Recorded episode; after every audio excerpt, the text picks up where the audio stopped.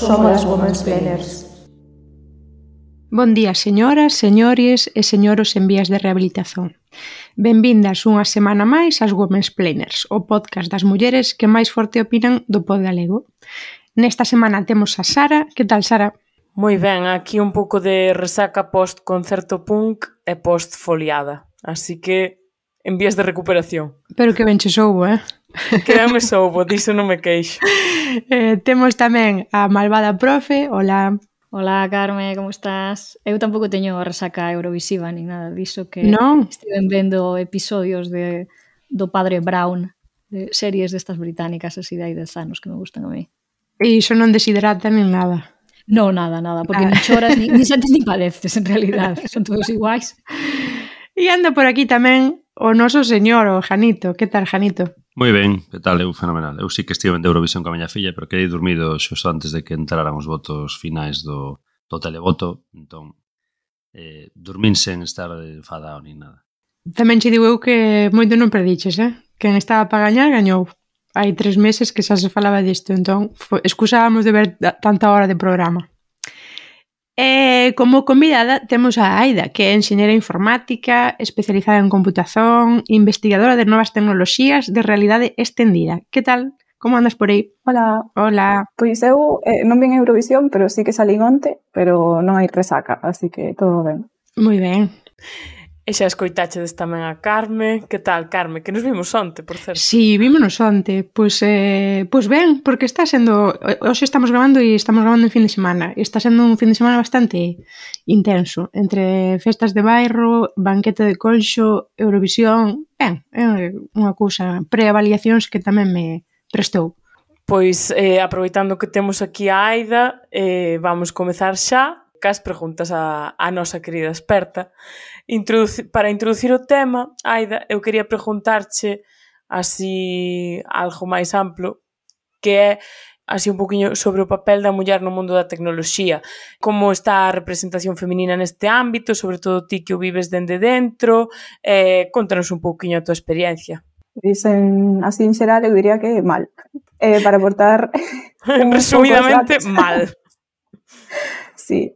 Eh, bueno, eh, atopei eh, un estudio do Ministerio de Igualdade que se fixo no 2019 que di que no ámbito universitario un 54% do alumnado está composto por rapazas, o cal está ben, o sea, prácticamente eh, 50-50, non? Pero se nos imos ao mundo STEM, que está eh, formado por ciencias, tecnoloxía, enxeñería e matemáticas, pois a representación femenina cae ata o 30%. E se dentro desto nos metemos eh, no ámbito da enxeñería informática, que é onde estou eu, pois a representación femenina estaría só cun 15% de mulleres. E dou fe de que isto é así porque na carreira somos moi poucas. Como anécdota, eh, acórdome que nunha das primeiras clases que tivemos eh, eh, en primeiro de carreira, eu estaba nun, nun grupo que éramos sobre 60 eh, alumnos, eh, creo que éramos tres ou catro rapazas. Eh, cando entrou o profesor pola porta, dixo como, anda, o sea, normalmente sois moi poucas rapazas, pero é que este ano sois super poucas, así que para que vos podades facer unha idea de, de como vai o tema. Entón, eses famosos nesgos que din moitas veces, non, que teñen as inteligencias artificiais, eh, poño por caso, mm, teñen que ver tanto co bueno, coas realidades en que se basean, é dicir, coas pois, textos humanos, fotografías humanas, discursos humanos, etc. Ou tamén coa cegueira igual das persoas que andan por aí programando que son maioritariamente homes. Sí, o sea, todo influe. E o que, sobre todo, o que dis dos nesgos, o sea, é super importante que nos equipos que desenvolven as, bueno, todo, non? Pero neste caso, as inteligencias artificiales influe moito a composición do equipo. Eh, neste caso, canto máis variada sea, non solamente en cuestión de xénero, senón de um, razas, eh, identidades mm, varias, calquera cosa que vos podes imaginar, pois canta máis variedade haya no equipo de desenvolvemento destas tecnoloxías, eh, ao final vai a, a producir que o resultado eh, do produto seja moito mellor. De feito, por poñer un exemplo, fai uns anos desenvolveuse unha inteligencia artificial que non sei se si foi entrenada con datos de Twitter ou de Reddit que en cuestión de horas esta inteligencia ciencia era tremendamente racista e machista, porque os datos eh, de entrada que lle pasaban a, ao sistema pois eran os que eran. Entonces, eh, a inteligencia aprende sobre isto e comportase da mesma maneira que, que a sociedade. Outra cousa, Aida, como a representación é super importante en todos os ámbitos, eu quería preguntarche tamén se hai referentes femininas, que seguramente sí, no mundo da informática, eh, cales son as túas favoritas, eh, se hai referentes especificamente no mundo da creación de inteligencias artificiais e tal, sobre todo polo que mencionabas, non da importancia de quen fai estas inteligencias artificiais e como poden mellorarse dende un punto de vista da perspectiva de xénero. Entón, contanos un pouquiño que mulleres importantes hai aquí no mundo da tecnoloxía. Eh, pois empezando desde o principio, eh, considerase que a primeira programadora eh, da historia é Ada Lovelace, eh, que escribeu o primeiro algoritmo que foi procesado por unha máquina. Eh, non sei se a vos vos sona ou non, pero bueno, eh, no mundo da informática é moi coñecida. E eh, aparte dela, pois outra, outros nomes que igual nos poden sonar eh, son Hedy Lamarr, que foi inventora eh, da tecnoloxía que se, sobre a que se baseou despois tecnoloxías como a Wi-Fi ou Bluetooth o GPS que usamos hoxe en día, eh, ou Margaret Hamilton, que foi a líder do equipo de desenvolvemento de software do sistema de navegación da nave Apollo, que esta igual vos sona unha fotografía de unha muller eh, bastante baixiña que ten ao seu lado eh, unha pila de mm, libros que son o código que se usou para... Mm, moi icónica para esa crear o... fotografía. Uh -huh. Malvada profe por facer así un, un apuntamento xermanófilo eh, Hedy Lamar, que, de quen eh, falou antes Aida, é unha, é unha grande actriz de Hollywood, pero en realidade eh, ela era de orixe austrohúngara, chamábase eh, Hedwig Kisla, naceu en Viena, era, era xudía en orixe, e os seus primeiros papéis foron en, en filmes en alemán. Con 19 anos fixo unha película extase dun eh, director eh, tamén austro-húngaro daquela, vamos, checo en realidade, que se chamaba Gustav Mahalti, se non lembro mal o nome do, do tipo. Esta película, Extase, que significa pois iso, éxtase, é famosa porque foi o primeiro filme onde se representou, o rep primeiro filme comercial, quero dicir, non pornográfico, así onde se representou unha muller tendo un orgasmo. E esa muller era Hedy Lamar, é dicir, a señora que, que, sento, que asentou as bases para que hoxe en día po, eh, podamos usar wifi, eh, foi a primeira muller que finxiu un orgasmo, eh, bueno, supoño que era finxido, eh, na grande pantalla. E ademais de todo o seu, o seu traballo despois, pois, axuando a espionaxe, etc., na Segunda Guerra Mundial, ten unha vida bastante de heroína tráxica, porque iso se fixo moi famosa, unha verdadeira estrela despois desta, deste filme, todo un símbolo sexual, até o punto de que despertou o interese, pois, como é obvio de moitos homes daquela época, un deles, Friedrich Mandel, era o terceiro home máis rico de Austria. Era un tipo, en realidade, bastante indesexable por moitos motivos. O que pasa que ela era moi intelixente para algunhas cousas e moi parva para outras. Mozas, tomade nota, non vos deprimades, Hedy Lamar tamén cometeu erros na súa vida. Casou con este tío que tiña así vínculos con Benito Mussolini, era simpatizante de Hitler, etc. E cando casou con ela, claro, como a tipa era tan guapa, tan maravillosa e ademais unha icona sexual, o que fixo foi encerrala no seu castelo. De onde finalmente conseguiu, porque era un, bueno, era un un psicópata, un maltratador, vamos, tiña ali secuestrada porque non quería que ninguén mirara para ela máis que a él. Entón, ao final, pois, conseguiu coa axuda eh, duns criados ou dunhas criadas fuxir do castelo e acabou pois tendo a vida de Hollywood que, que todas coñecemos. entón, nada, quería facer así como momento anécdota. Mulleres polifacéticas, eh? Poli, bueno, polifacética de todo, sí, sí.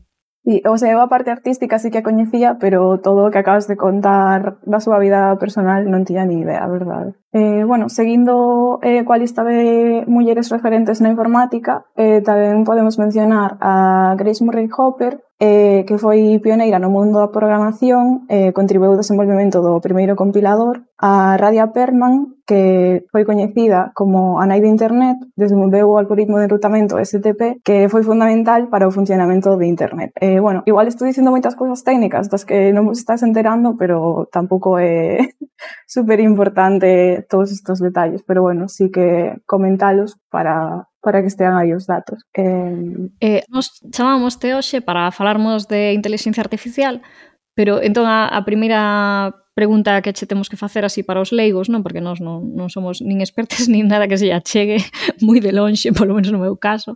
Que é unha inteligencia artificial? Podes explicárnolo a nós, eh, a min como, como persoa así xa dunha idade, que teño unha idade. For dummies, eh? Explica sí, sí. for dummies. Exactamente, inteligencia, que a mí fai inteligencia falta. artificial para parvas. vale. Eh, bueno, según os libros, a inteligencia artificial é a capacidade das máquinas de imitar ou simular a inteligencia humana para levar a cabo tarefas de maneira, de maneira autónoma. Eh, a inteligencia artificial pode comprender, razoar, aprender, planificar e tomar decisións de maneira similar ás persoas. Eh, bueno, explicado para, para Damis, como dixo Sara, eh, pois eu diría que a inteligencia artificial é un sistema que se crea que se pode entrenar ou non, eso depende do tipo de inteligencia artificial que sexa, e que, bueno, este sistema é creado para resolver unha tarefa. E suelen ser tarefas bastante complicadas que non se poden resolver cun algoritmo tradicional e dependendo do tipo de inteligencia artificial, pois requiren diferentes tipos de procesos para que poidan aprender e poidan resolver ben a tarefa que se lle asigna. Sara? Eu despois da tua explicación, Aida, Teño unha, unha pregunta que ao mellor é así un pouco tonta, pero como as inteligencias artificiais eh, supónse que poden imitar a, a inteligencia humana, poden mentir as, as inteligencias artificiais? Que me acaba de asaltar a, así esta dúbida. Eh, quero saber, necesito saber. Eh, sí, sí que poden. Eh, a miña pregunta aquí sería se si realmente son conscientes de que están mentindo ou non. Porque, eh, por exemplo, no caso de ChatGPT, que se fixo bastante famoso nos últimos meses, hai moitas cousas que ti lle preguntas ou lle pides datos sobre algo eh, e el, eh, bueno, el ou ela, respóndeche eh, que, o sea, tan pancho pero realmente ti non sabes se si o que se está dicindo son datos verídicos ou simplemente decideu que esa serie de palabras era a correcta para responder neste, neste caso. Porque non sei se os sabíades, pero o chat GPT o que fai é predecir moi, moi, moi, moi ben cal é a seguinte palabra que escribir a continuación, tendo en conta eh, todos os datos bueno, todos os datos que teña eh, este sistema por detrás, máis a conversa que, que está destendo con el. Carmen, E ese sistema que ten para predicir, imagino que non estará igual de avanzado en todas as linguas, non? Porque eu sí que uso bastante chat GPT para, para o traballo, despois falaremos disto, e sí que o vexo, por exemplo, en portugués, super rudimentar, crea como textos que te das conta que, que é unha inteligencia artificial. Imagino que en inglés que será máis talentoso chat GPT. Sí, porque ao final estos sistemas eh, necesitan ter datos eh, de entrenamento. entonces o normal é eh, empezar a entrenalos en inglés porque é a lingua que máis se usa, sobre todo en ámbitos tecnolóxicos. E eh, despois, pouco a pouco, eu penso que están intentando extendela para que use máis linguas. Eh, por exemplo, fai uns meses, se si pedías que che respondes en galego, o que facía era responder en portugués. Pero estiven facendo unhas probas eh, Carmen no sé, está pola tarde. en pro listo. Por min todo eh, ben. Sí.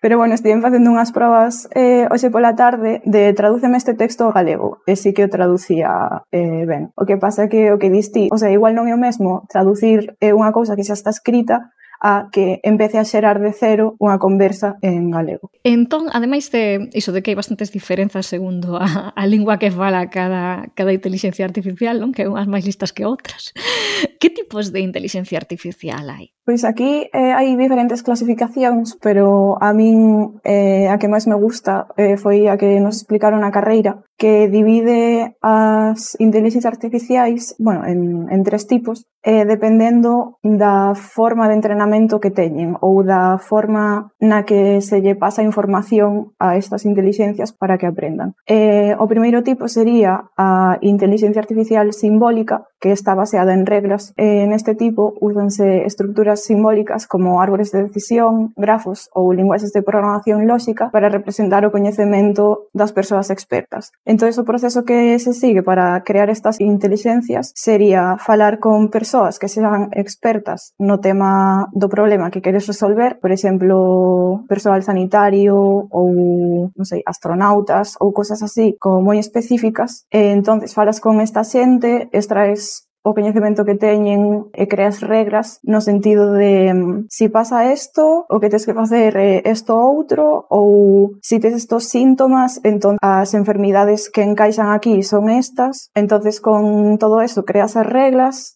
eh, o sistema eh, cando se usa analiza o input que lle entra mira que en cales destas reglas encaixa e dache a solución como unha diag un diagrama de fluxo para facer unha, un, un diagnóstico ou algo así por exemplo non como sí. se te, ten febre non non eh, non eh, pois non ten febre ten dor de cabeza ou algo así non e vai uh -huh. Sí, o que pasa que como diagrama sería, mm, o sea, poderíase considerar Inteligencia, mm, non sei hasta que punto, pero máis ou menos.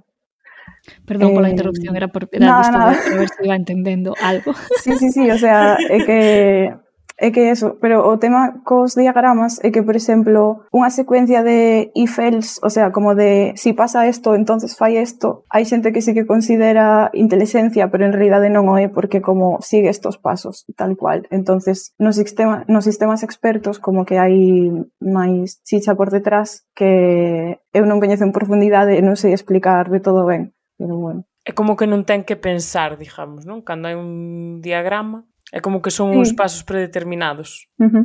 Sí. Vale. E cales son os outros tipos?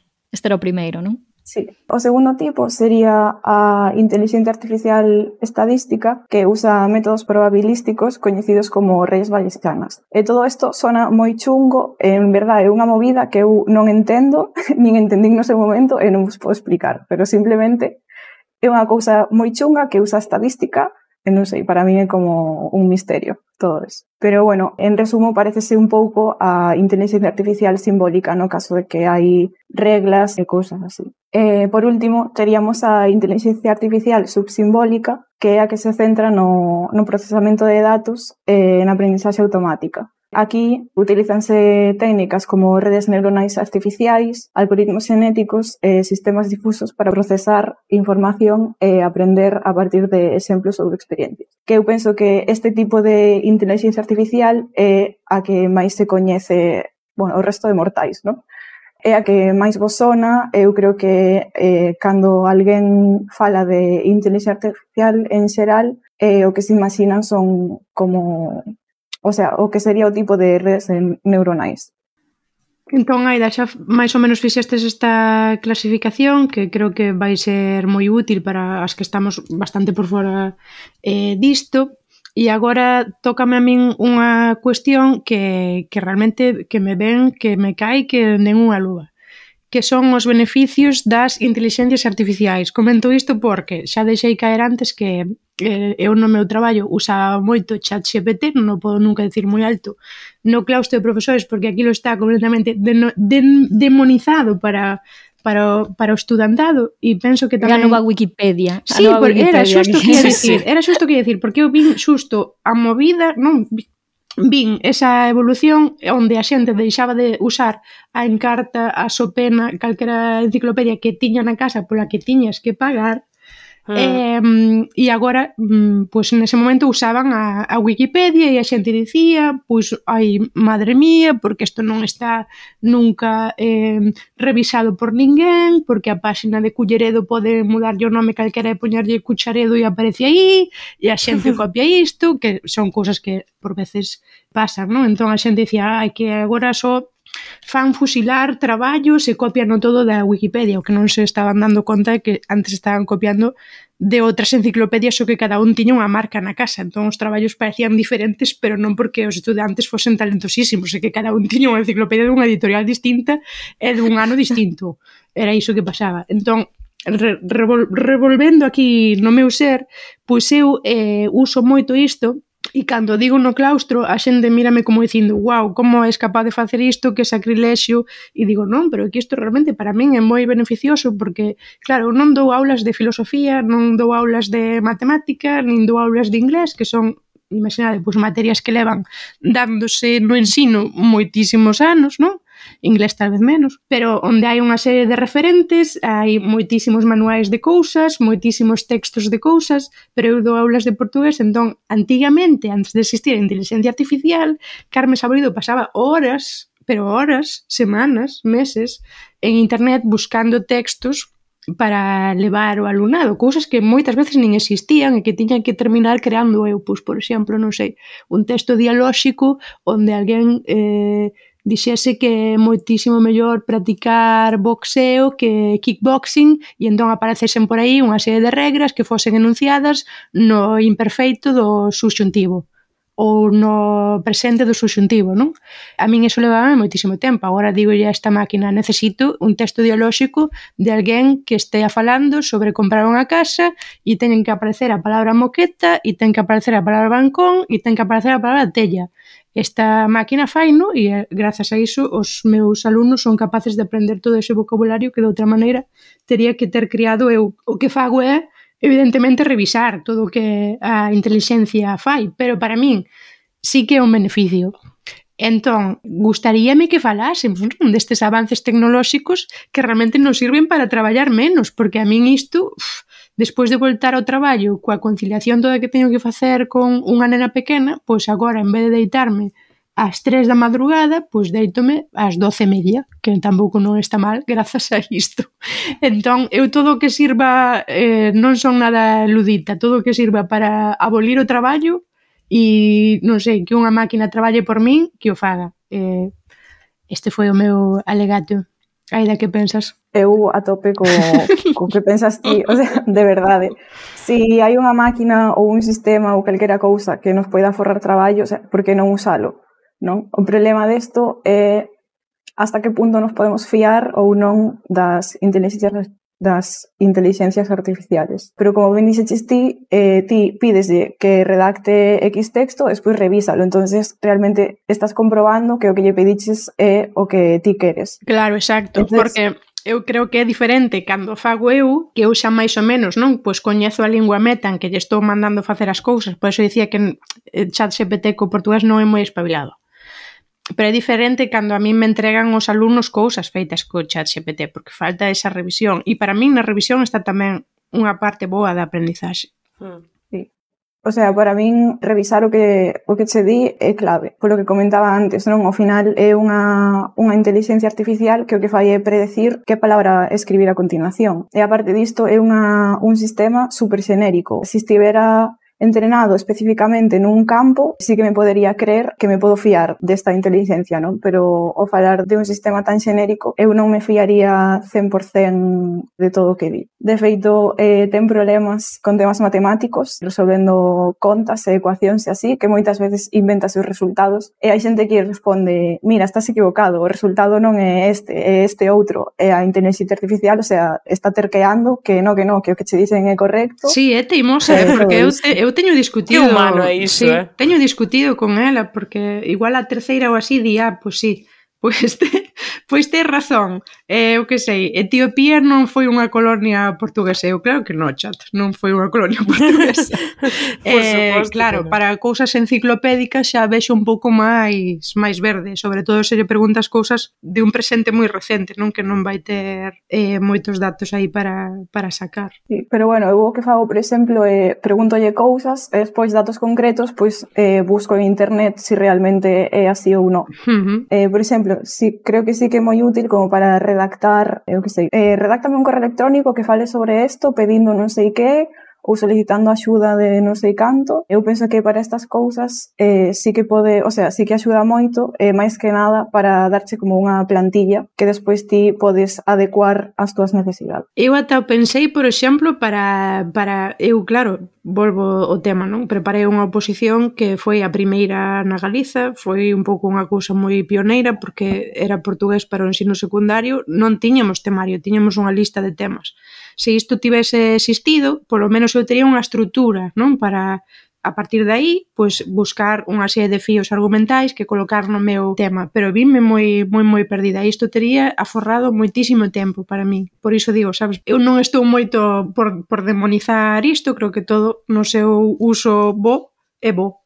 Malvada profe. Sí, eu estaba a pensar que hai unha serie de cuestións que das que somos moi conscientes, non? Que, que hai textos que se publican en xornais de pouca calidade ou en páxinas webs que están xerados por, por inteligencia artificial. Pero estou segura de que a inteligencia artificial tamén está presente nas nosas vidas en moitas outras cousas que non vemos tantos, non que non somos conscientes. E isto é o que lle quería preguntar a Aida, que onde está, onde andan, pensando? Pois pues eu atreveríame a decir que está en todas partes.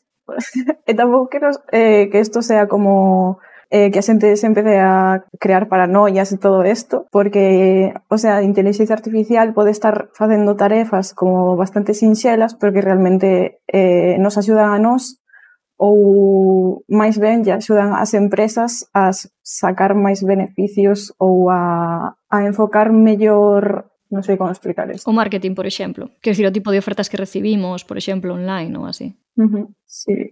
Saboridiña, Sí, eu, eu teño unha dúbida que me esqueceu a min de preguntar antes, a inteligencia artificial dixeches que é capaz de mentir e é capaz de aprender, é dicir, do que nós eh, llevamos dicindo, ela aprende ou realmente son as persoas programadoras que fan que se perfeccione isto Pois podería ser os dous casos As dúas cousas? Uh -huh. Sí, o sea, hai sistemas que son capaces de aprender, o sea, unha vez están entrenados e os empezan a usar os usuarios pois son sistemas que son capaces de retroalimentarse cos datos que lle introducen os usuarios entonces como que se van adaptando e van sendo cada vez máis intelixentes eh, usando estos datos novos. Eh, despois hai outro tipo de inteligencias que non aprende sobre a marcha, pero supoño que sí que se poderían volver a entrenar unha vez tes máis datos sobre o campo que quere, no que queres traballar eh, algúns exemplos eh, de casos nos que podemos atopar inteligencia artificial e eh, que non somos conscientes diso, pois podería ser o que todo o mundo ten máis a man sería os asistentes virtuais como Siri ou Alexa ou Google Assistant que lle podes falar e eh, recoñecen a túa voz, entenden o que lle estás preguntando porque usan eh, procesamento de linguaxe natural e despois son capaces de realizar as tarefas que, que lle pides como buscar algo en internet ou poñer X canción eh, no reproductor de música. Outro exemplo podería ser as recomendacións personalizadas, eh, no que se usan sistemas de recomendación que xuntan o uso que te lle das pois, a plataformas de streaming como poden ser eh, YouTube, Spotify, Netflix, etcétera, entonces sabe qué tipo de contido che gusta, qué tipo de contido é parecido ao que ti soles consumir, eh, que perfil tes, é dicir, eh, máis ou menos poden estimar a túa idade, o teu xénero, onde vives, eh, poden xuntar todos estes datos cos datos que teñen sobre outros usuarios que se parecen a ti para saber que contido recomendarche, cun certo grado de probabilidade saben que che vai a gustar eso tamén. Ademais disto, Bueno, hai eh, xente que eh, está investigando sobre temas de mm, procesamento de linguaxe natural aplicados a redes sociais na que fan análise das interaccións dos usuarios para poder de detectar o ciberacoso ou casos de autolesións eh, dos usuarios, ideacións suicidas e temas deste tipo para que a propia rede social pois se poida poñer unha mensaxe de se necesitas axuda con este tema, podes chamar este número ou tes estes recursos disponibles no caso de, de que faga falta. Ademais disto, pois eh,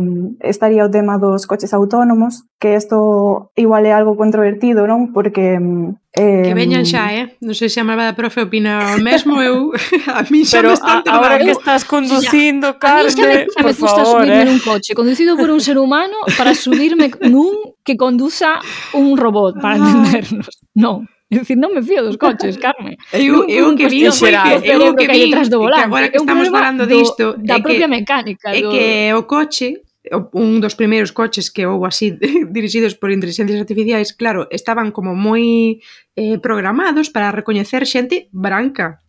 Entón, un, un deses eh, atropelou alguén eh, que era que era unha persoa racializada, porque non, Coche non, non foi recoñecido como unha persoa humana, senón que o recoñeceu como un obxeto, entón houve un accidente aí. Entón, obviamente, hai que perfeccionar varias cousas, por non dicir moi.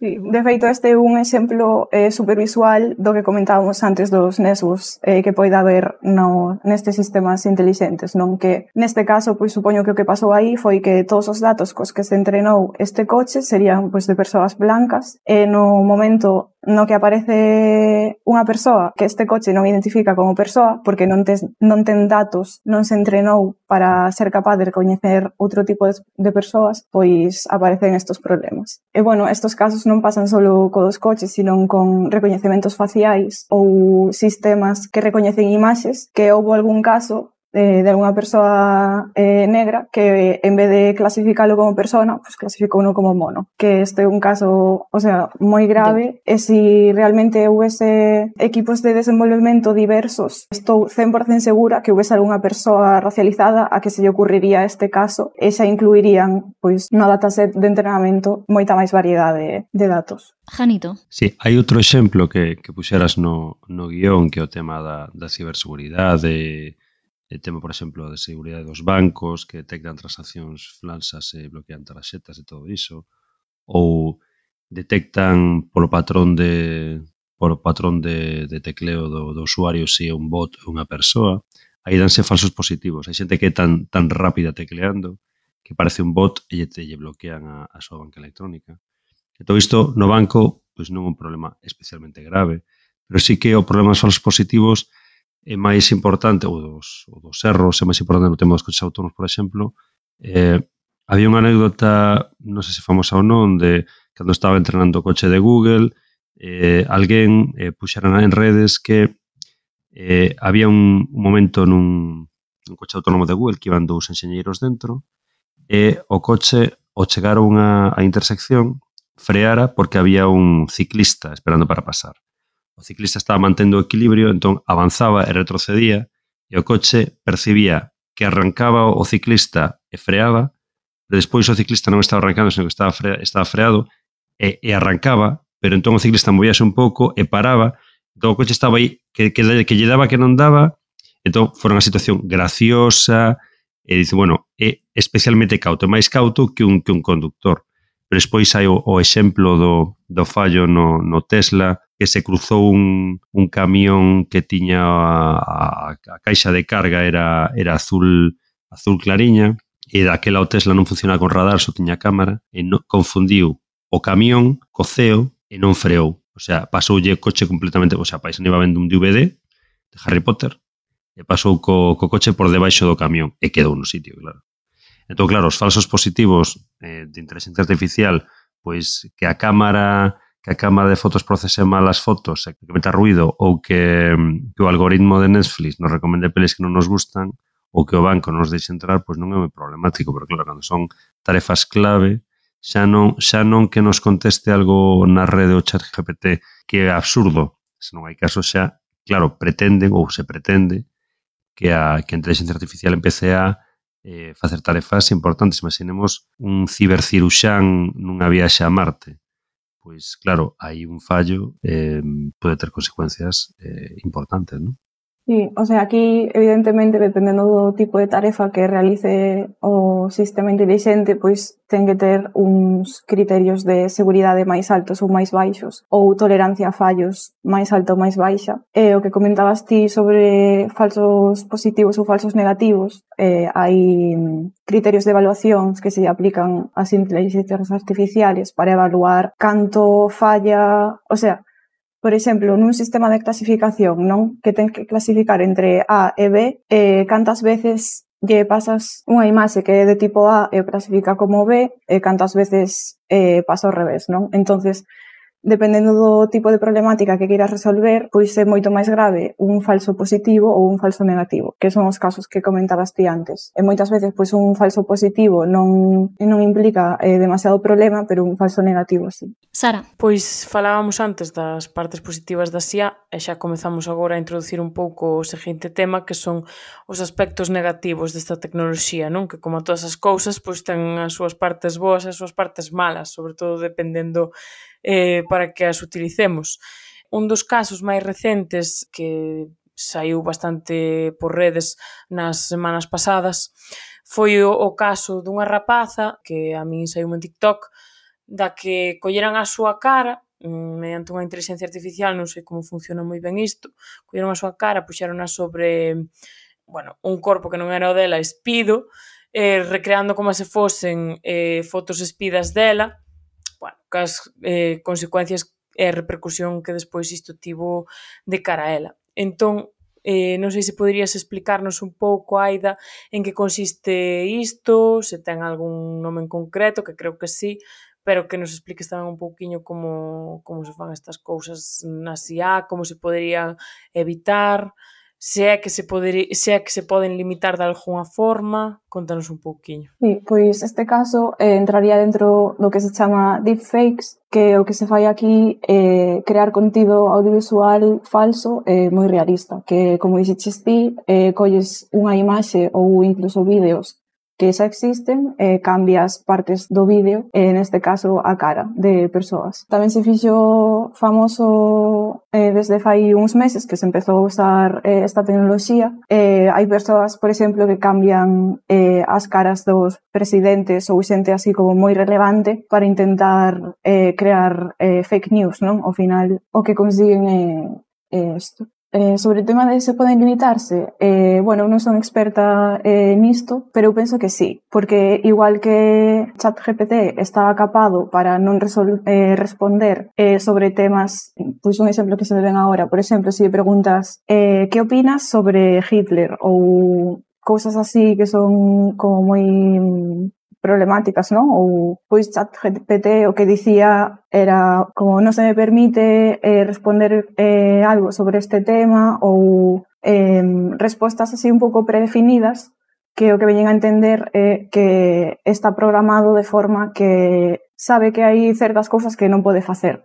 Entonces eu penso que sí que se podería aplicar eh, esto mismo a, um, o tema dos deepfakes ou, ou a calquera outra inteligencia. Que isto dos deepfakes a min tamén me sona que se estivo empregando para algo que si é positivo como para recrear e eh, darlle cor eh, a imaxes antigas ou poñerlles movimento a mellor E creo que estivera tamén un pouco de moda aí atrás o tema este. É a mesma tecnoloxía, entendo, non? Eh, non me atrevería a decir que sí nin que non, claro, non porque sei, non sei eh, non sei que usan, pero ao final sí que son eh, o sea, usarán técnicas de análisis de imaxes, visión artificial eh, e máis cousas así mezcladas con imaxes. Carmen? No, era unha tontería, porque eu sí que usei iso como teño unha app que axuda a crear unha árbore xenealóxica e nesa árbore, ou seja, é unha app que tamén é como unha especie de rede social, porque se noutra parte do mundo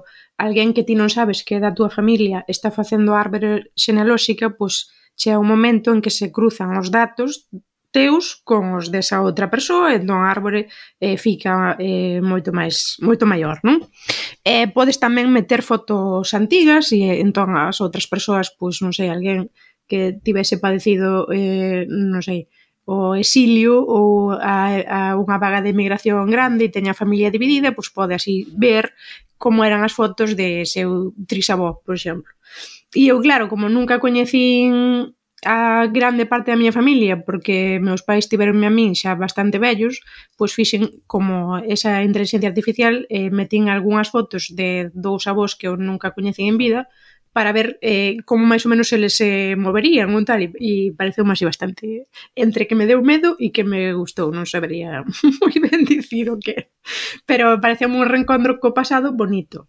Pois o que che quería preguntar, Aida, tamén é, por exemplo, no caso desta rapaza e dos nudes e tal, eh, se quixese interpoñer unha denuncia, sobre quen recae a responsabilidade neste caso? Sobre a empresa que xenerou a IA que, que non a capou, digamos, para que non permitise facer este tipo de contido ou sobre a persoa que usa, as, que usa a tecnoloxía, sobre ambas, non sei, a nivel legal, como está todo isto, porque eu creo que é algo moi novo aínda, todo o tema das IAS, non sei se fai falta máis legislación, se está legislado de alguma maneira, como está o tema. Eh, a nivel legal, a responsabilidade non sei de quen é, pero a nivel moral, ou desde o meu punto de vista, eu penso que é a responsabilidade das dúas partes, o sea, de quen crea esta tecnoloxía e de quen a usa desta forma maliciosa, porque, mm, o sea, unha empresa ten que ser responsable do seu produto inda que o seu produto non estea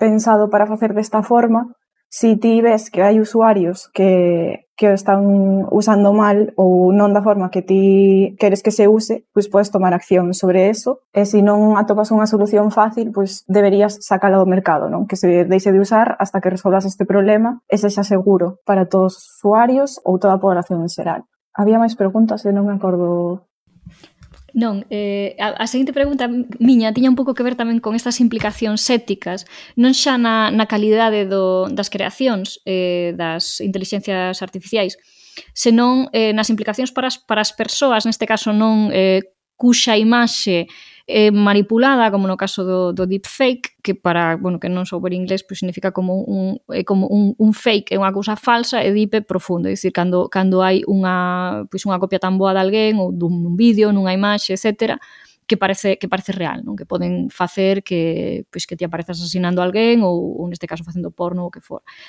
Senón que neste outro caso tamén ten unhas implicacións éticas que é cando se rouban as imaxes que alguén crea non se rouban literalmente no sentido de que se eh, vendan copias dunha fotografía que ti fixeches ou dun cadro que ti fixeches impreso, senón que esas mesmas imaxes se empreguen para adestrar eh, unha inteligencia artificial sen o consentimento non das persoas. Entón, eu quería que, que nos falases así deses casos que, que foron saindo e cales son as implicacións que, que ti pensas que está a ter ou que vai ter a utilización de, de inteligencia artificial para crear para crear imaxes. Ou imaxes ou produtos audiovisuais en xeral. Bueno, eu lin fai pouco o caso de Midjourney que, como te dixeches, eh, roubou imaxes de artistas sen pedirlle o seu consentimento para crear, eh, bueno, para entrenar esta, este sistema que despois crea eh, outras imaxes. Eu o que vin foi que mm, como colleron tantas imaxes de tantos artistas, eh, non as clasificaron ou non recolleron que imaxe pertence a cada artista, Ahora, inda que quixeran facelo, non poderían eh, ir artista por artista pedíndolle o consentimento para poder eh, usar as súas imaxes eh, nesta inteligencia artificial. Ou para eh, pagar eh, os todas... dereitos, non quero dicir de... Mm, claro. No eh, de todas formas, eu creo que, inda que se eh, tivesen estos datos, tampouco iban a facer porque habería artistas que non lle den os seus permisos ou o que sexa, e ao sistema que xa teñen entrenado e no que xa invertiron tantos recursos, pois non o poderían usar, non? Entonces, eh, non sei que, mm, que repercusións legales vai a ter esta empresa agora, pero sí que lin que, mm, polo menos en Estados Unidos, hai eh, moitos artistas que se uniron para intentar poñer eh, unha querella ou o tipo de reclamación que sexa e a ver en que acaba o tema ao final. pero eu penso que no ámbito legal aínda todas estas tecnoloxías están super en pañales e deberían empezar a poñerse as pilas e legislar sobre cousas que fan falta, que xa estén legisladas agora mesmo. Mm. Iso que fan eles en, non colectivamente que se chama un class action nos Estados Unidos. Pero tamén hai outros sistemas non para evitar. Eh, agora mesmo estáse poñendo de moda empregar certo tipo de filtros ou, ou fondos non sei non sei que non me teñen non nas imaxes que a xente sobe ás redes precisamente para que se unha eh, inteligencia artificial os quere empregar eh, sexa confundida por eses, por eses filtros, de tal maneira que non recoñeza as figuras que, que están representadas. Eu teño que confesar unha cousa aquí, eh, gustaríame saber que, que, que pensades as demais, pero eu teño que confesar que moitas das imaxes, das primeiras imaxes que comezaron a, a sair eh, por exemplo, feitas por Dal, e que, que non eran de grande calidade no sentido de, de do detalle, non da, da calidade da, do realismo, etc., A mí parecíame fascinantes, gustanme moitísimo esas imaxes. E gustanme porque me parecen oníricas, é dicir, porque non me parecen creadas polo cerebro dun ser humano experto, senón polo cerebro dun ser humano dormido, non? Ou, ou nese momento entre o sono e a vixilia en que todo todo está medio deformado, as cousas están confusas, son son iso, son moi oníricas, e, e son moi especiais. Eu non sei se vos lembrades de ver algún algún fío eh, de Twitter de de Manuel Gago sobre figuras mitolóxicas da Galiza ilustrado con imaxes creadas por inteligencia artificial e para min eran moi evocadoras, para min eran moi fermosas. Entón, eu quero dicir, eu non me atrevería a dicir que isto vai a ser a fin de moitos ilustradores ou diseñadores, ni moito menos igual que a aparición da fotografía non foi a fin do, da pintura, pero desde logo a aparición da fotografía mudou radicalmente a maneira en que as persoas pintaban. E de súpeto a, pois, eh, sí, claro, o que se representaba dunha ou outra maneira, eh, o que comezou a ser importante foron, foron outras cousas, non? Entón, eu creo que agora vai haber unha nova revolución estética tamén, grazas a iso. E, eh, alegrome de que a vai haber, o que pasa que penso que, que nun primeiro momento vai ser dramático para as persoas que están vivindo diso agora mesmo e que, pois, que igual en un determinado momento os retratistas puideron vir, ver moi, os, os que quizáis non eran tan bons ou non estaban en primeira liña, puideron ver moi moi ameazada a súa fonte de principal de ingresos, pois que agora pode, non sei, pode acontecer o mesmo. Janito. Sí, eu estou bastante en contra da, da utilización que está facendo da, da inteligencia artificial para sustituir o, o traballo dos, dos, dos ilustradores. Hai, hai unha persoa que está bastante activa en Twitter, bueno, está sempre moi activo en Twitter, en redes, David Rubín, e últimamente estaba difundindo eh, a protesta de, de Pepe Larraz, que é outro, outro outro artista, que, bueno, outro ilustrador, que eh, denunciaba que hai unha hai unha empresa que publicita a súa inteligencia artificial produce obras ao xeito de Pepe Larraz, sen ter pedido nunca permiso para utilizar a súa obra, nin tampouco a súa empresa, neste caso son obras que crea para Marvel, para Marvel Comics. A raíz disto, lín, ultim, últimamente dúas cousas. Unha páxina de, de, da Xuidrid, de hai pues igual 20 ou 30 anos, que representaba perfectísimamente o que pasa coa inteligencia artificial, eh, que era un, un rapaz que iba que estaba empezando na ilustración, e iba a unha empresa a levar a levar a seu, a seu portfolio e quedara dormido. Non? E despois de despertar, levábano a ver a sala onde estaban os ilustradores había unhas caixas, claro, isto está feito eran como unha especie de ordenadores ou como impresoras que sacaban páxinas.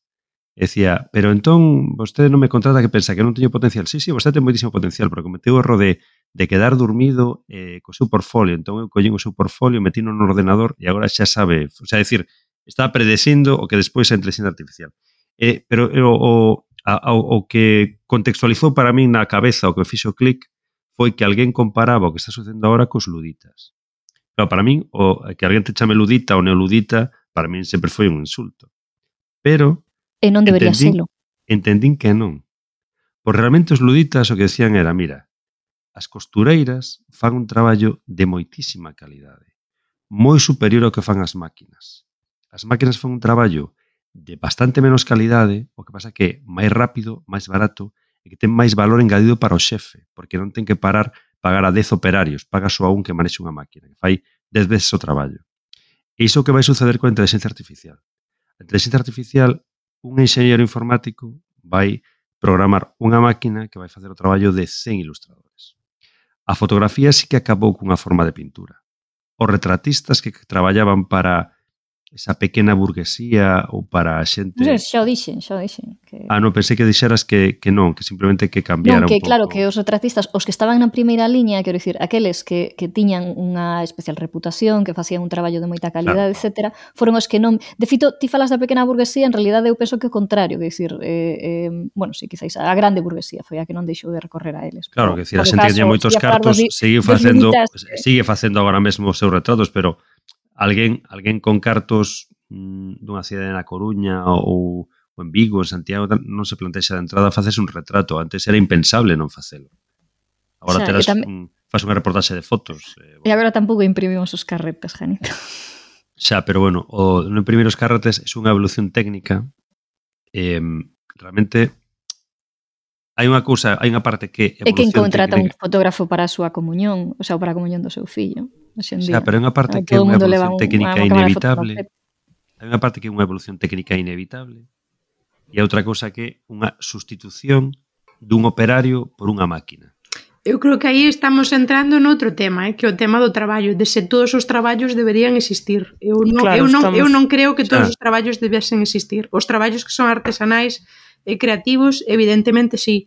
Ora ben, xente que se lamenta claro, de que... Pero os traballos traballo... artesanais foi sustituído e realmente o teu traballo como persoa humana era estar pendente de darlle un botón cada 10 segundos, para min ese non é un traballo, por exemplo, digno para unha persoa Claro, pero iso, iso que facía que se contra de, de, de, todas, de toda a xente que se queixa das caixas dos supermercados que agora están automatizadas eh, porque porque o traballo pois, pues, das caixeiras quizáis sexa prescindible en un momento, non? Ou, ou de moitos traballos que teñen que ver co mundo dos bancos. Claro, pero iso que estaban facendo agora as inteligencias artificiais. Esos son os traballos que estaban eliminando ata agora as inteligencias artificiais. E o momento actual é no que as inteligencias artificiais están facendo están empezando a facer traballos creativos entre aspas. Entón, os guionistas están protestando, unha, un dos motivos da folga que hai agora mesmo de guionistas nos Estados Unidos que empezou hai pouco, é que queren que se regule como intervén a inteligencia artificial na creación dos guións, porque lles vai deixar sen traballo. O problema non é que se eliminen traballos rutineiros e que, e que non teñen ningún tipo de, de enriquecemento para o traballador fora do seu salario, que xa é bastante enriquecemento. Hai, hai moitos... Eh, aparte, hai outra historia. Se a inteligencia artificial vai pagar eh, unha taxa e imos todos vivir desa taxa e quedar na casa, entón igual estamos a favor da inteligencia artificial. Claro, que eu quero, eu quero ese camino. Só vai xerar plusvalía, só vai xerar plusvalía para o propietario da inteligencia artificial, entón imos quedar todos na casa pero morrendo de fame. Hmm. Eso, digo, que hai que regular igual. Malvada profe. Eh, Janito, que eu o que penso é que quizáis tamén eu non estou de acordo contigo en como definimos agora creatividade, o que é un traballo creativo. Penso que moitas veces se fala de, do traballo creativo desde un punto de vista un pouco clasista da burguesía ilustrada, por chamalo de alguma maneira, ou quizáis agora das clases medias eh, eh, universitarias. Porque creativo é quen crea. Eh, hai 100 anos, eh, un bordado que adornaba unha, pois, unha camisa dun traxe tradicional estaba feito a man normalmente estaba feito a man un mantel, etc. etc non? Todo este tipo de bordados, o embozo dunha, dunha saba... E todo iso comezou a facerse primeiro con máquinas, pois máquinas de coser que bordaban, e máis tarde directamente con máquinas moito máis grandes nas, nas fábricas que, que son as que fan ese traballo. Ese traballo non era creativo, acaso? Para min era un traballo creativo. Tamén era creativo por supuesto, traballo igual do que a banistería, tamén son traballos creativos. Parecen por supuesto, creativos os dous, ou a, exactamente o traballo dun alfaleiro, dun alfareiro, dun oleiro, Eh, pero son traballos que agora están completamente industrializados, quer dizer, a súa mecanización foi parte da revolución industrial. Eh, e o traballo que ten mm, pois que ver máis propiamente con outras artes que non son estritamente decorativas, non? Como a, a escrita creativa dos guionistas, ben, non sei, eh, eh, quizáis tamén isto anime, ou non sei, quizáis mova a os seres humanos a ser máis orixinais noutros sentidos, porque vive Dios que todas esas comedias románticas de, de Hallmark que ti coñeces mellor que a min, pois quero dicir, ben as podía escribir unha inteligencia artificial. Eh, a ver, Amigo, se imos poñer a inteligencia está, artificial a, a facer iso, que... mellor queimar a inteligencia artificial xa e empezar un o sea, se, se van a dedicar a iso, o sea, xa é o paso definitivo. En vez de, en vez de facer mil, vai haber dez mil. Non, por favor.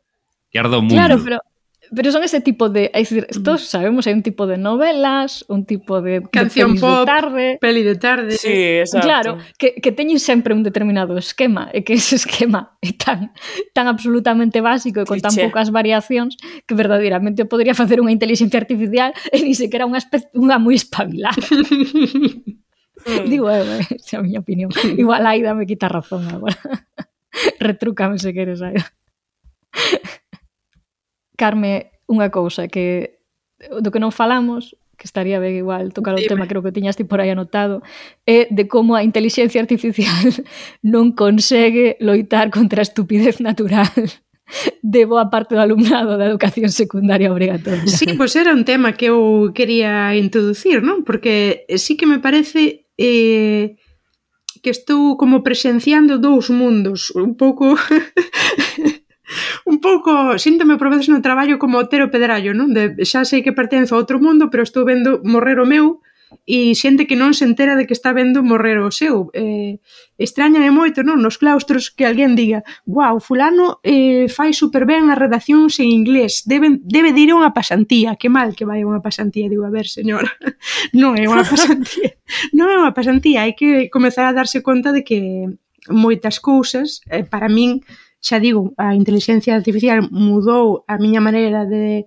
de preparar as aulas para ben, eh, pero tamén temos que ser un poquinho máis perspicaces. Ti, hai unha serie de tarefas que xa non podes mandar para casa. Infelizmente, eh, porque para min un pouco unha perda de tempo estar mirando, fiscalizando que alguén diante de min faga unha composición escrita. Prefería deixar 15 días de marxe para facela e que dai mm, me entregasen pero como si eu fago eso, o resultado que eu teño son eh, 27 ou 30 composicións iguais, porque as fai unha inteligencia artificial moi moi cliché, non? Como peli de tarde, eh, pois ao final eh, parte das miñas sesións teño que dedicalas a veña, pois eh, necesitamos facer unha composición escrita que sexa un email formal para candidatarse a un traballo. Eh, as, os esquemas son estes, estes son os cumprimentos e así teñen que ser os fechos, porque é unha cuestión eh, cultural en Portugal que ten que ser mesmo así.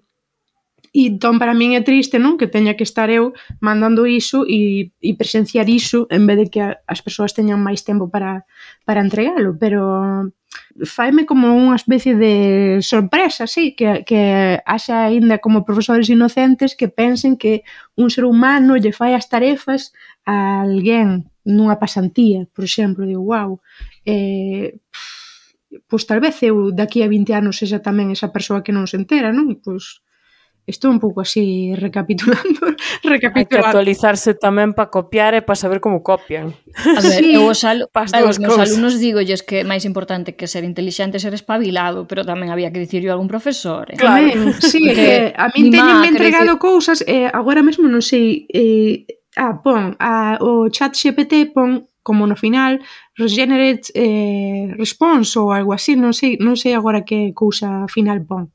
Entón, teme pasado de que copian eh, de copy-paste e incluen eso último, non? Como lle pasou a María Rajoy con fin de la cita. Pois pues isto máis ou menos igual, non? Co copian esa mm, fórmula de fecho que ten a inteligencia artificial cando lle ordenas unha cousa e incluen na propia tarefa. Digo, wow, pero cinco minutos de revisar isto non non tiñas para facelo, pero é o mesmo. Realidad, é o mesmo de Google Era eu, un pouco mesmo. Sí. Que tiñas que... Supoño que de español a portugués non, non canta tanto, pero vamos, eu, eu recoñecía inmediatamente, quero dicir, despois para, da para primeira min, entrega, para min, que non María, é super fácil, porque eu dou aulas en, no portugués europeo, que é o que sei, É dicir, teño referencias de como poden ser as cousas no Brasil, pero eu a miña fonética é plenamente europea. Entón, eh, ChatGPT só sabe crear textos en portugués do Brasil, porque é o portugués máis maioritario. Entón, digo, claro, é que este vocabulario nós nunca vimos nas aulas e os pronomes van neste lado do verbo. Entón, mm, é dicir, que, en que estás pensando? Por que pensas que me vas enganar a mí con isto? Evidentemente, eu sei diferenciar entre un texto que está en portugués do Brasil e portugués europeo, e por outra parte, eh, tampouco é un texto en portugués do Brasil excelso en fórmulas, cunha variedade léxica riquísima, evidentemente non o, non o fixo un humano, é que, é que é o que falaba antes con Aida, non? De momento aínda está un poquinho torpe a cousa, como non lle pases ti que... revisión e fagas algo de colleita propia no medio e tal, pois canta moitísimo iso. Teño que probalo en alemán, porque como eu agora non dou aulas de alemán, aí tempo que non o probo. Verdad? Pero bueno, é dicir, eu non sei no teu caso, pero no meu eh, Un profesor de inglés, por exemplo, ten como cinco editoriais que lle fan libros de onde pode realmente sacar textos que, al, que alguén revisou, onde ten xa uns CDs con grabacións. A min podeme parecer iso mellor ou peor. De feito, pareceme normalmente unhas porquerías. Eh, pero polo menos esa persoa ten esas porquerías as que lle botar man, non?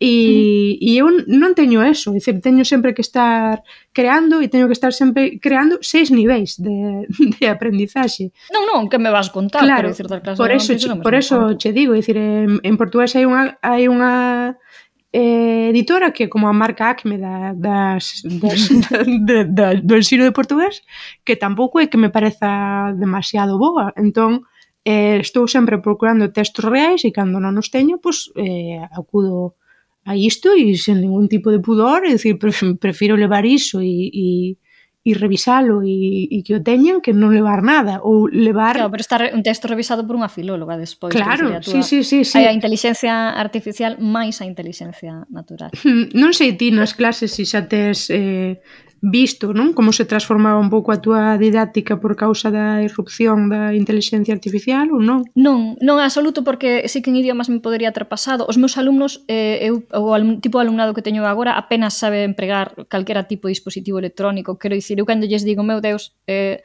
tedes acceso a todo o coñecemento do mundo no vosso móvil e non sabedes nin preguntarlle algo a Google, quero dicir, uh -huh. casi non saben preguntar unha data. Eh, os que tiña cando daba clase de alemán, que non eran de diversificación, que eran rapaces pois, de programas bilingües, eh, moi, moitas veces pois, moi enfocados aos resultados e tal, eran máis máis pillabans, por decirlo así, pero dito, o único que, que facían era de cando en vez pois intentar empregar algún traductor automático, pero xa a primeira de cambio sempre escollía, porque eu xa dicía, mira, eh, o traductor de Google é moi malo, é eh, por un motivo, que porque non traduce directamente do castelán ao alemán, traduce a través do inglés. Entón, eh, eu inmediatamente vaise deformar, eu explicaballes como se como deformaba os textos e digo, e por iso non funciona. Ás veces tamén era un defecto do animal, quero dicir que os rapaces non sabían poñer se, se o propio rapaz non sabe por comas e puntos, nen h's, nin tal, sí, pois, por claro. suposto, o texto, o, o traductor malinterpreta o texto orixinal, non? Hmm. Eh, e despois pono mal. É como o famoso de de eh, falase inglés eh, ou se habla inglés non que era en español eh, que empecé a decir pois si sí, si sí, entre entre era if if between between pois isto era tal cal quero dicir o, o traductor o Google Translate en alemán era unha desfeita Agora veñen as dicas culturais a túa parte preferida, entón eh, douche paso. A miña parte favorita. Dicas culturais, por exemplo.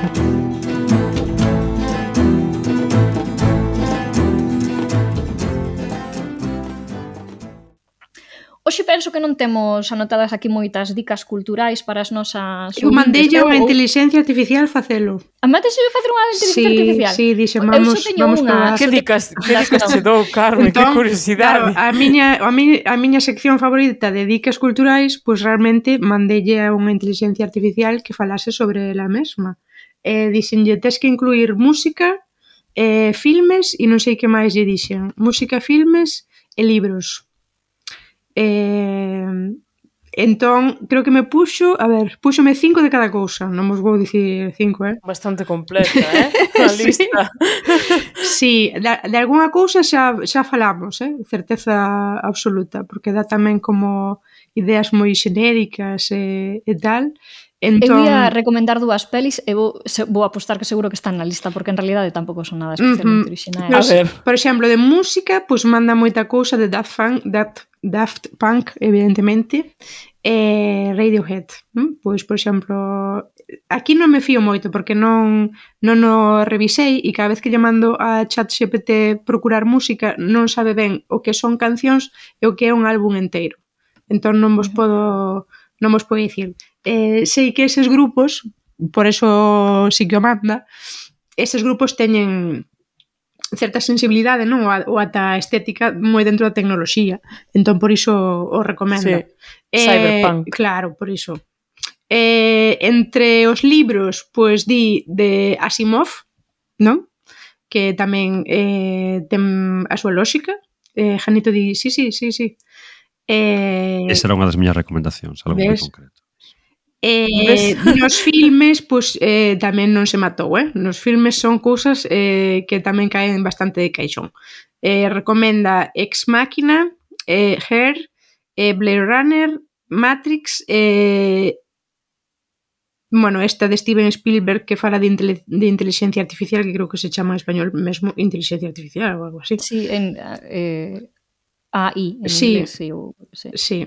Pois entón só falta unha das que tiño pensado. Veña, dalle, a ver. Home, de, Malvada de profe Stanley contra Kubrick, dous, de Stanley Kubrick 2001 unha odisea no espazo.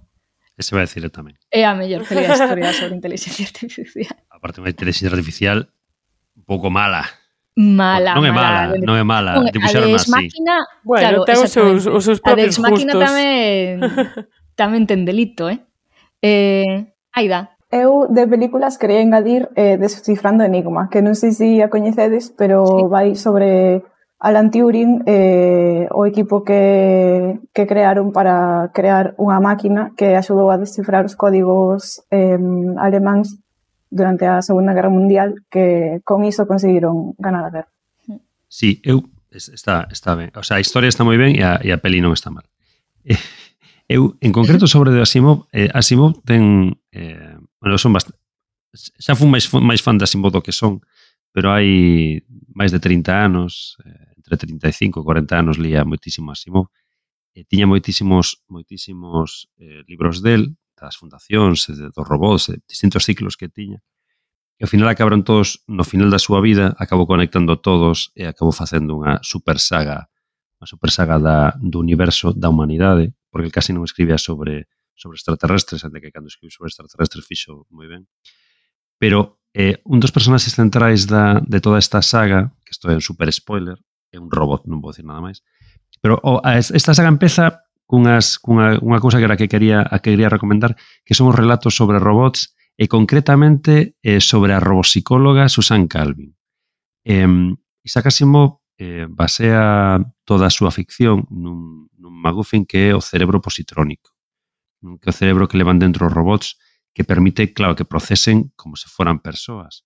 Entón, Susan Calvin, que traballa para US, US Robots, a empresa de, de robots, eh, robots humanos da, da, dos Estados Unidos, eh, traballa, eh, é a psicóloga de robots, eh, a primeira do seu campo é a, é a mellor. Eh, e hai unha serie de, de dilemas que se plantexan nos, neses relatos que non son que non son só non son só robóticos ou só de ciencia ficción tamén son como sempre na, ou como tantas veces na ciencia ficción son sobre de, dilemas humanos pero son a verdade que son moi as, moi asequibles estas estes relatos eh, moi divertidos e eh, eh, que están super ben e despois o ciclo de o ciclo dos eh, eh, non se chama as, as bóvedas de aceiro, creo que chama isto, eh, que é onde aparecen eh, o robot Giscard e, e, eh, e eh, o robot Danil, que son dous robots que acompañan a un, a un detective humano, non me lembro agora do, do, do nome do detective humano, que son unhas novelas de detectives que están francamente ben, pero que os protagonistas, parte dos protagonistas son son robots, eh, robots inteligentes, claro. No. Mira, en as novelas de Asimov só hai robopsicólogas, non hai robopilinguis. hai robopilinguis Eh, bueno, precisamente nas, nas, nas en Blade Runner sí que hai robopilinguis. Sí, efectivamente. sí. Bueno, eh, claro, ti pensa que, que eh, o sea, eh, Asimov eh, andivo, o sea, andou para que Blade Runner pudera correr, ¿no? Sí. Eh, claro, ti pensa que escribiu as novelas igual 50 ou 60 anos antes de antes de Blade Runner. Sí, sí. En Blade Pero... Runner, eh, por certo, en inteligencia artificial hai robopilingos, porque aí temos facendo de chapero gigolo robótico nada menos que a Jude Law que un home que, que, que fixo moitas veces non sei por que de chapero é unha cousa hmm. un por que será? Que se lleva tres pelis ou así que calculo eu daquela época eh, sempre facía papéis un pouco turbios eh? moi ben, pois queridas amigas este Este episodio que acabades de escoitar foi feita foi feito sen inteligencia eh, artificial de momento. Con toda Porque eh, non a temos. Non, non, non hai. O que temos fíxose desde logo coa inteligencia natural da nosa convidada a eh, eh ignorancia natural neste tema de, de todas as demais participantes e a beleza natural do noso querido eh, asistente que vai editar o episodio durante un par de horas. Despedímonos até a semana que ven. Lembrade que nos tedes en todas as vosas redes sociais, eh, nunhas máis activas que noutras, dependendo do día, e que os programas saen un de cada dous xoves, agora mesmo cada 15 días, ás 5 da tarde, e que tamén nos podedes escoitar cada martes ás 3 da tarde en Cuac FM, as que vivides na Coruña. Moitísimas grazas, Aida, a propósito da Coruña. Un saúdo para a Coruña, para a Universidade da Coruña, onde traballa Aida. Eh, moitísimas grazas por vires e por compartir todo ese saber connosco. Gracias a vos por invitarme. Moitas grazas, Sara, tamén por ter a idea de, de facermos un episodio sobre este tema. Unha aperta moi grande. Un biquiño. Un bico, Sara. Eh, unha aperta saboridiña e parabéns por todos eses días en que estás sacando coche e, e aparcando pola túa conta. Eu cando poida unireme a ti, pero de momento non me verás. Non, non, pola miña conta non. Eu teño un profe guai que o meu compa e se non é por el, pois non superaba, estou en vías de superación da miña amaxofobía. Así que de aquí a 15 días, bico grande. Bicos, eh, moitísimas grazas, Janito, unha semana máis por eh, todo o traballo que ainda che queda por facer con este episodio. Saudas para saudos para todas coa miña man de sete dedos nunha e tres na outra. Hai que buscar unha IA que edite as planers, Janito. Eso xa sí, o pedín sí. eu en algún foro, eh, por agora... Bueno, seguro que xa hai, eh? seguro que xa hai. Que va, temos que Como vas a renunciar a ese traballo artesanal e artístico que é Exacto. Temos que buscar unha imaxe promocional feita a base das nosas caras, pero con inteligencia artificial sería bastante divertido. Con 400 dentes. Sí. Un saúdo e unha aperta moi grande para todas as nosas ouvintes. Chao, chao. Deica. Chao, chao. chao.